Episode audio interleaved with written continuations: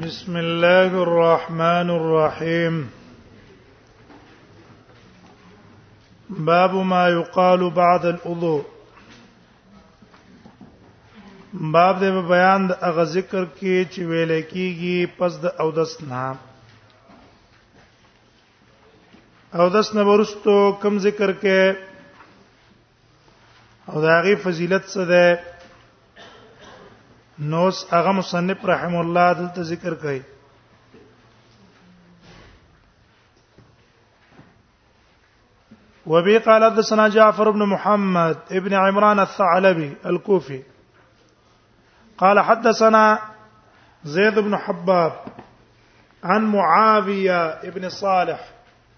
ان ربيعه بن يزيد الدمشقي عن ابي ادريس الخولاني وابي عثمان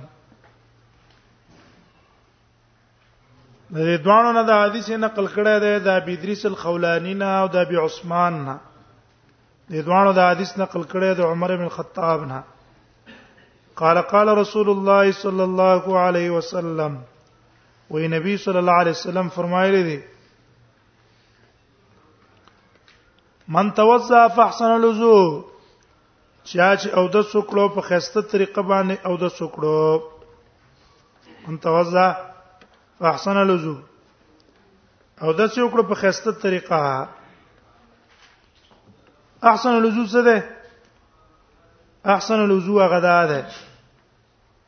چې د اسراف نه پکې ځان وساته او د سنتو مراعات او لحاظ پکې وکي په دې طریقه چې د او د سکو نو د احسن الوضو ده خسته طریقه او د سکو بیا دا غینه بعد ثم قال او دس نه رستو به ویل دا دعا وکړه شهد ان لا اله الا الله وحده لا شريك له واشهد ان محمدا عبده ورسوله زګوي ور کوم د دې خبرې چې نشتر حقدار د بندګۍ مگر یو الله ده وحده ځان لدا یو الله ده حقدار د بندګۍ لا شریک له داغه شریک نشتا واشهد ان محمدن عبده او دوی ور کوم د دې خبرې چې محمد صلی الله علیه وسلم د الله بنده ده او رسول او دغه پیغمبر ده بیویت اللهم اجعلني من التوابین یا الله وګرځو ما من التوابین د توبې ستونکو نه او اجعلني من المتطهرین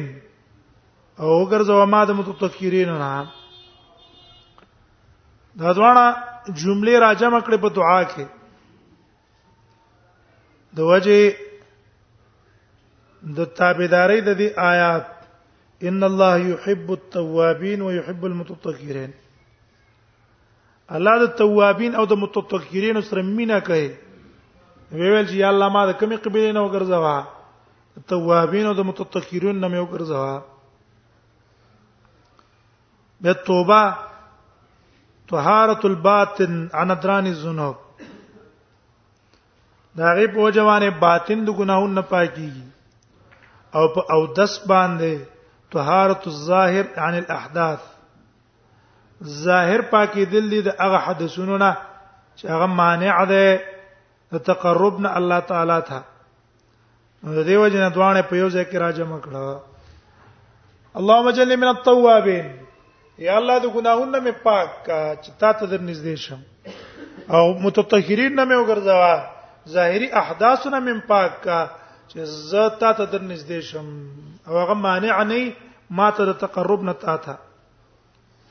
دا دعا چې وکړه کلم فتحت له ثمانیه ابواب من الجنه کلاوی کې بده پاره ته دروازې د جنت يدخل من ايها شاء دی بن نوځي چې په کومه دروازه خو غي د فتح کې احتمال لاره فتحه چې دا فتح حقیقتا کلاوی دل له خدا بیا په آخرت کې دی په آخرت کې مانه په آخرت کې به الله د ټولې دروازې د جنت کولاوي کی او دا بکیږي اصل کې رستو خداغې نه تعبیر په ماضی باندې وکړو فتحت تعبیر د مضارع نه وکړو په ماضی لتحقق وقوعه چې دا کولاویدل د یقیني دی گویا کې دا شوی دی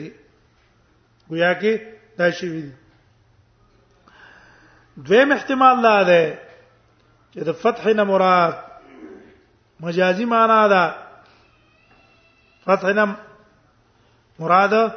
مجازي معنا ده التوفيق للطاعات في الدنيا الله بدل التوفيق د طاعات ورکی چې هغه طاعات سبب ته د پاره د فتح د ابواب الجنه په آخرت کې فتحت له مان د دې پوجب الله تعالی توفیق د نیکو ور کوي چې دا هغه نیکو د وجه د جنت دروازې کولاويږي بیا ته د اته دروازې د جنت کولاويږي ولی دا تکریما وتعظیما لعمله المذکور د وجه د تکریم او د عزت د عمل چې دا عمل ډیر عزتمن دی اگر کنه نه وتل په یو دروازه هم کافی دي اې دې جمعه ته موږ تاسو ران نه وځو لکه په هغه دروازه ران نه وته لکه په دې منځنۍ راوته کو په دې بل ران نه وته مقصود من جنت تراتل جمعه تراتل دي نو جنت ته نه وتل دي په یو دروازه اتو دروازو کولاویدو صفت مطلب ده دا اکرام نه اکرام څه ده اکرام لکه مثلا یو تن راغې او ډیر کسان ولاړی هر یو تن هغه توې دل دی باندې راځبل ته جیدل تر راځبل په دې طرف راشه هر چا ته پته لګی چې لکه دا سړی ډیر محترم نه ځکه هر یو تن ته څه وایي دا کوشش کوي چې ما په دروازه دی راشي دا اکرام ده ظاهر د حدیث ته معلوم شو چې جنت اته دروازې دي اته دروازې هم به علما را لګیدلې دي اته دروازو تعین کړه په حدیث د ابي هريره کې راغلي چې رسول الله صلی الله علیه وسلم فرمایي من انفق زوجين في سبيل الله چا چې دوشینه د الله په لار کې خرج کړه نو نو دی فی الجنه یا عبد الله و جنت کې وو تواس کیږي ته الله بندا هاذا خیر دا غره دی رضا فمن کان من اهل الصلاه دعیه من باب الصلاه کجاب باره غلبه د مانزه وا هغه من باب الصلاه را بلل کیږي ومن کان من الجهاد دعیه من باب الجهاد دویم باب الجهاد شو اول باب الصلات شو دویم باب الجهاد شو شابن غلبه د جهاد وا هغه ته باب الجهاد نه دعوت کیږي ومن کان من اهل الصدقه دعیه من باب الصدقه اچاب انفاق او خرچې ډېرې کوله هغه د باب الصدقین او ته دعوت ورکیږي ومن کان من اهل الصيام دعیه من باب الريان او څوک من اهل الصيام هغه به د باب الريان نه را بلل کیږي ابو بکر ویل د الله پیغمبره ما على احد يدعى من هذه الابواب من ضروره اذ ضرورت نشته چې دروازې نه را غواړي هل يدعى احد من هذه الابواب او زما امید ته چې ته په پاغیو کې روایت بخاری او مسلم ده دیو جنا د جنت دروازې څو شوې په دې حدیث کې یو باب الصلات شو دویم باب الصدقه دریم باب الجهاد څلورم باب الريان نو پنځم د باب التوبه په حدیثو کې باب التوبه ده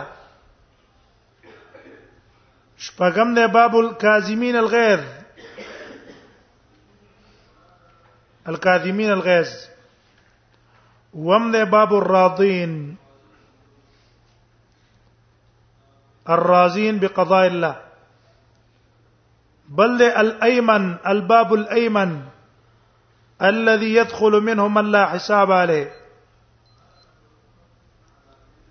دوی حکیم ترمذی را لګیدل هغه د ابواب الجنت ذکر کړه ده نو پاره کې یو باب ذکر کړه چې هغه ته ویل کی با محمد صلی الله علیه وسلم چې دویم نوم یې باب الرحمه باب الرحمه یو پکې هغه ده او بل ذکر کړی دی باب الحج باب الصله باب للعمره نو باب الحج باب العمره باب السله په کې زیاته کړه قرطبي صاحب را لګیدل دی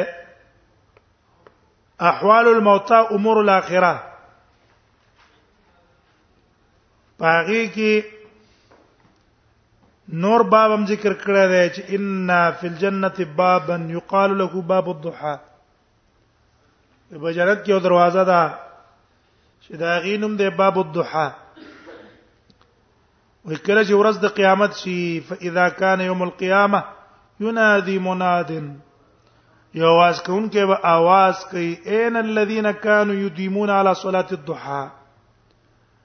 وي څه چې هغه کسان چې هغه به دوام کو په مانزه د صلات الضحى هاذا بابکم فادخلوا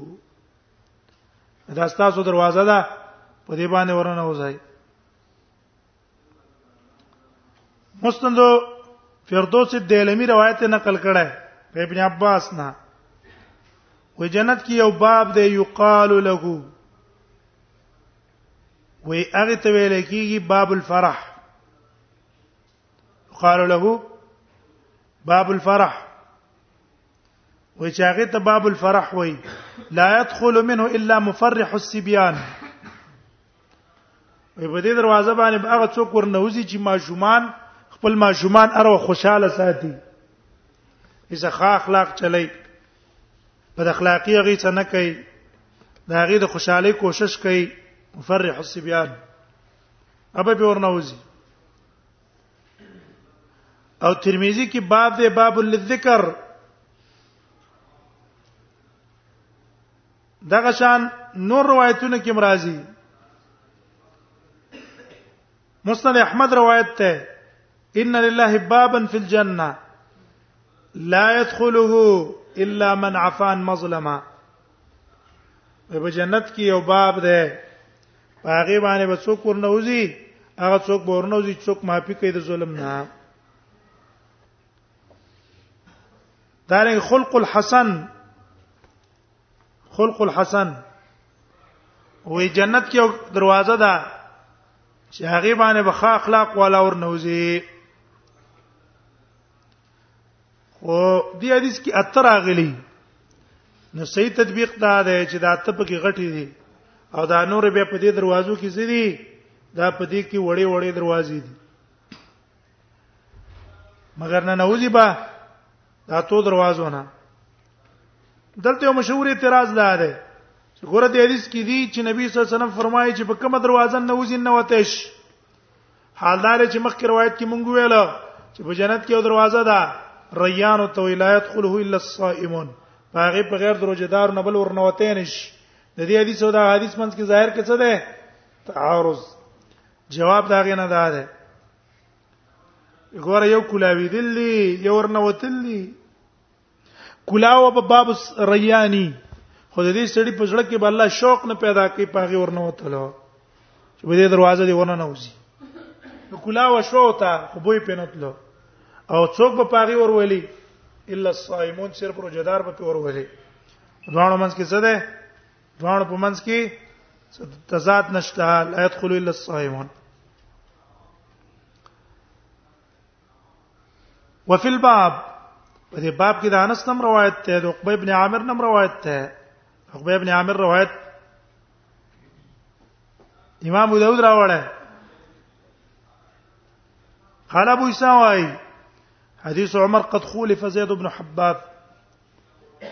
وی خلاف شوه د زید ابن حباب نه په دې حدیث کې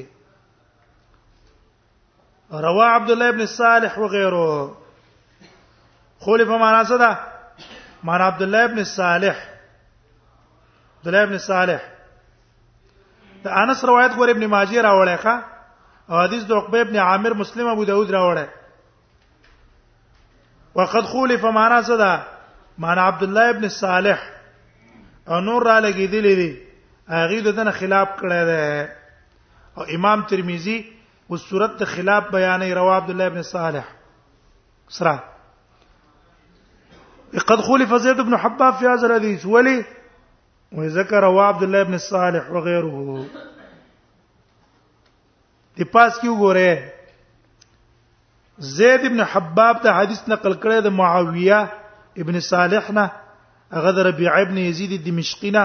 هغه د ابي ادريس الخولاني او ابي عثمان نه لیکن د دې معاویه بل شاګرد دی عبد الله ابن صالح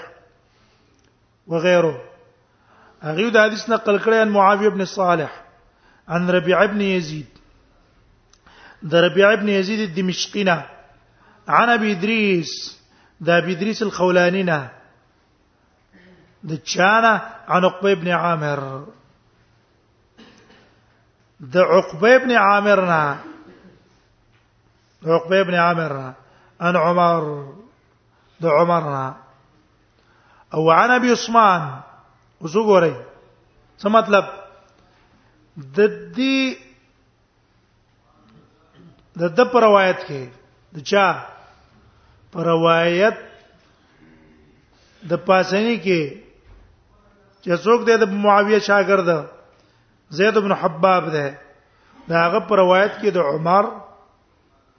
او د ابي ادريس الخولاني په منځ کې واسطه نشته ابي ادريس الخولاني روایت ډارک د چا نقل کړه عمر نو تو ګورای ان عمر بن خطاب لیکن دا بل را لګیدل عبد الله بن صالح هغه چې دا روایت نقل کړه ده د ابي ادريس الخولاني نه نو هغه دا روایت نقل کړه د عقبه ابن عامر نه او عقبه ابن عامر دا روایت نقل کړه ده د عمر نه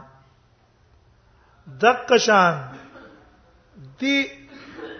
عبد الله ابن صالح دا روایت نقل کړی د چانه د ربيع ابن يزيد او د دیونه عن ابي عثمان عن جبير ابن نفير عن عمر سپیش وای حاصل دا شوه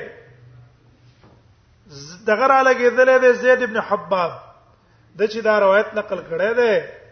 چې د ابي عثمان نه روایت نقل کړی دی نو د عمر او د ابي عثمان په منځ کې واسطه نه ده کړې او د ابي ادریس الخولاني هم چې نقل کړی دی واسطه په منځ کې نه ده ذکر کړې لیکن د ابو معاویه بل شاګرد دی عبد الله ابن صالح هغه چې دا روایت نقل کو نو چې د ابي ادریس الخولاني نه روایت نقل کو نو د د او د عمر په منځ کې عقبه ابن عامر واسطه ده اجي د ابي عثمان نه روایت نقل کو نو د ابي عثمان او د عمر په منځ کې واسطه څوک دی جبیر دی جبیر ابن نفیر هغه پکې واسطه ده ګور اوس یو تن په منځ کې واسطه ذکر کړي او دغه د معاویه شاګرد دی او بل پکې واسطه نه ذکر کړي دا د معاویه شاګرد دی نو یو پکې واسطه ذکر کوي بل پکې واسطه نه ذکر کوي نو دی وجنه روایت څه شولو مسترب شو نو امام ترمذی و فی وهذا حدیث فی اسناد استراب دا حدیث ته د په سند کې استراب ده ولا يصح عن النبي صلى الله عليه وسلم في هذا الباب كثير شيء او د نبی صلی الله علیه وسلم نه پدې کې سند ثابت لیکن د امام ترمذی په حدیث کې استراد ده د حدیث امام مسلم راوړی امام مسلم په بل طریقه خو پاره کې اللهم اجعلني من التوابين واجعلني من المتطهرين نشته صرف د قوله کلمه ده اشهد ان لا اله الا الله وحده لا شريك له واشهد ان محمدا عبده ورسوله او هغه سند بالکل صحیح ده او هغه سند امام ابو داود هم راوړی نو دا کلمه ثابته شو هیڅ پای کې استراب نشته وسپات شو اللهم اجعلني من التوابين نو دا جمله ته زیتی ویل شي کنه شي ویل په دې روایت ترمذی کې رااله خو روایت ترمذی خو مسترب ده نو موږ وایو چې دا جمله ویل مو جایز دي جمله هم څه جایز دي ولی دا جمله امام بزار او امام تبرانی په المعجم الاوسط کې په په بل سند د صوبان نه نقل کړي صوبان نه چې نبی صلی الله علیه وسلم دا ویلي او لفظ یې څنګه دی لفظ یې دا دی چې نبی صلی الله علیه وسلم فرمایي من دعا بوضوء فتوضا وي فساع فرغ من وضوء يقول اشهد ان لا اله الا الله واشهد ان محمدا عبده ورسوله محمد رسول الله اللهم اجعلني من التوابين واجعلني من المتطهرين او دا جمله انس نه هم نقل په ابن ماجه کې وګوره دینه معلوم شو هغه هغه په وجه باندې بس دا وشلو دا جمله ویل شي او ثابت دي صرف روایت ترمذی مسترب ده روایت مسلم صحیح ده روایت ابو داود صحیح ده باقي کلام نشته ها پدې کې روایت حاکم هم راغله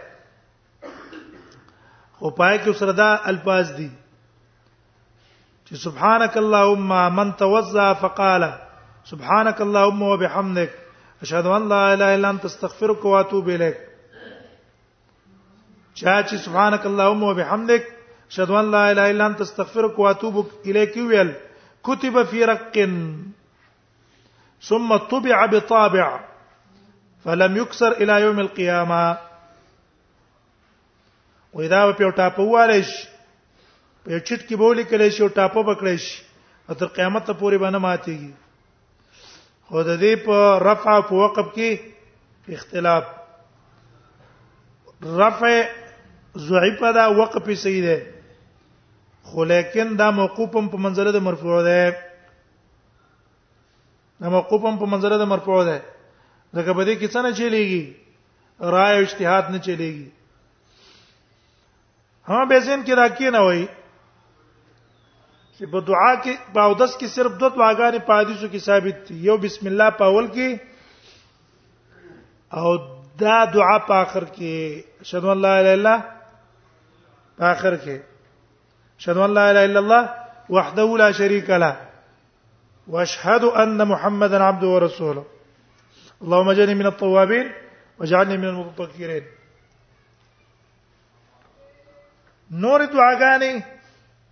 دا نه دي ثابت دیو جن احناف چې په خپل کتابونو کې یا شوافی او په خپل کتابونو کې د هر اندام انزل سو دعاګانې نقل کړې دي مثلا مخینځي سبوي اللهم بيز وجهي يوم تبيز وجوه وتسود وجوه لا سنزي خي اللهم اعطني كتابي بيميني وحاسبني حسابا يسيرا دا چپ لاس دعا د خلی پوزه اللهم ريحني رائحه الجنه دغه دعاګانې چې کومې دي نو فلم يثبت فيه حديث سر حدیث په دې کې ثابت نه ده څنګه ده ثابت نه ده او امام نووي پر روزه کې وايي هاذ الدعاء لا اصل له ابن الصلاح وايي لم يصح فيه حديث هیڅ پکې نه ثابت ابن قیم وای زاد المعاد کې لم يحفظ عنه انه كان يقول د نبی صلی الله علیه وسلم ثابت چې نبی صلی الله علیه وسلم په اودس کې په غیر د بسم الله نه بل دعا کړې او کله حدیث فی اسکار لزو الذي يقال عليه و د اودس پاندامونه کې چې کومه دعاګانې ویل کیږي فکذب مختلق فكذب مختلق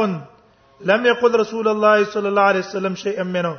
دا دروغ دي ځان نه جوړ شوی دي رسول الله صلی الله علیه وسلم سره ویلم نه دي وعلمه لامته او نه امت ته خود لري ولا يثبتان غير التسميه في اوله اول کې بسم الله په اخر کې اشهد ان لا اله الا الله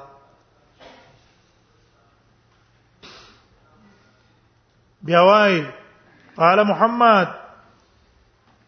وی امام بخاری وی او ابو ادریس لم يسمع من عمر شيئا ابو ادریس خولانی د عمر نه سما ثابت نه ده دا روایت منقطع شو باب لزوی بالمد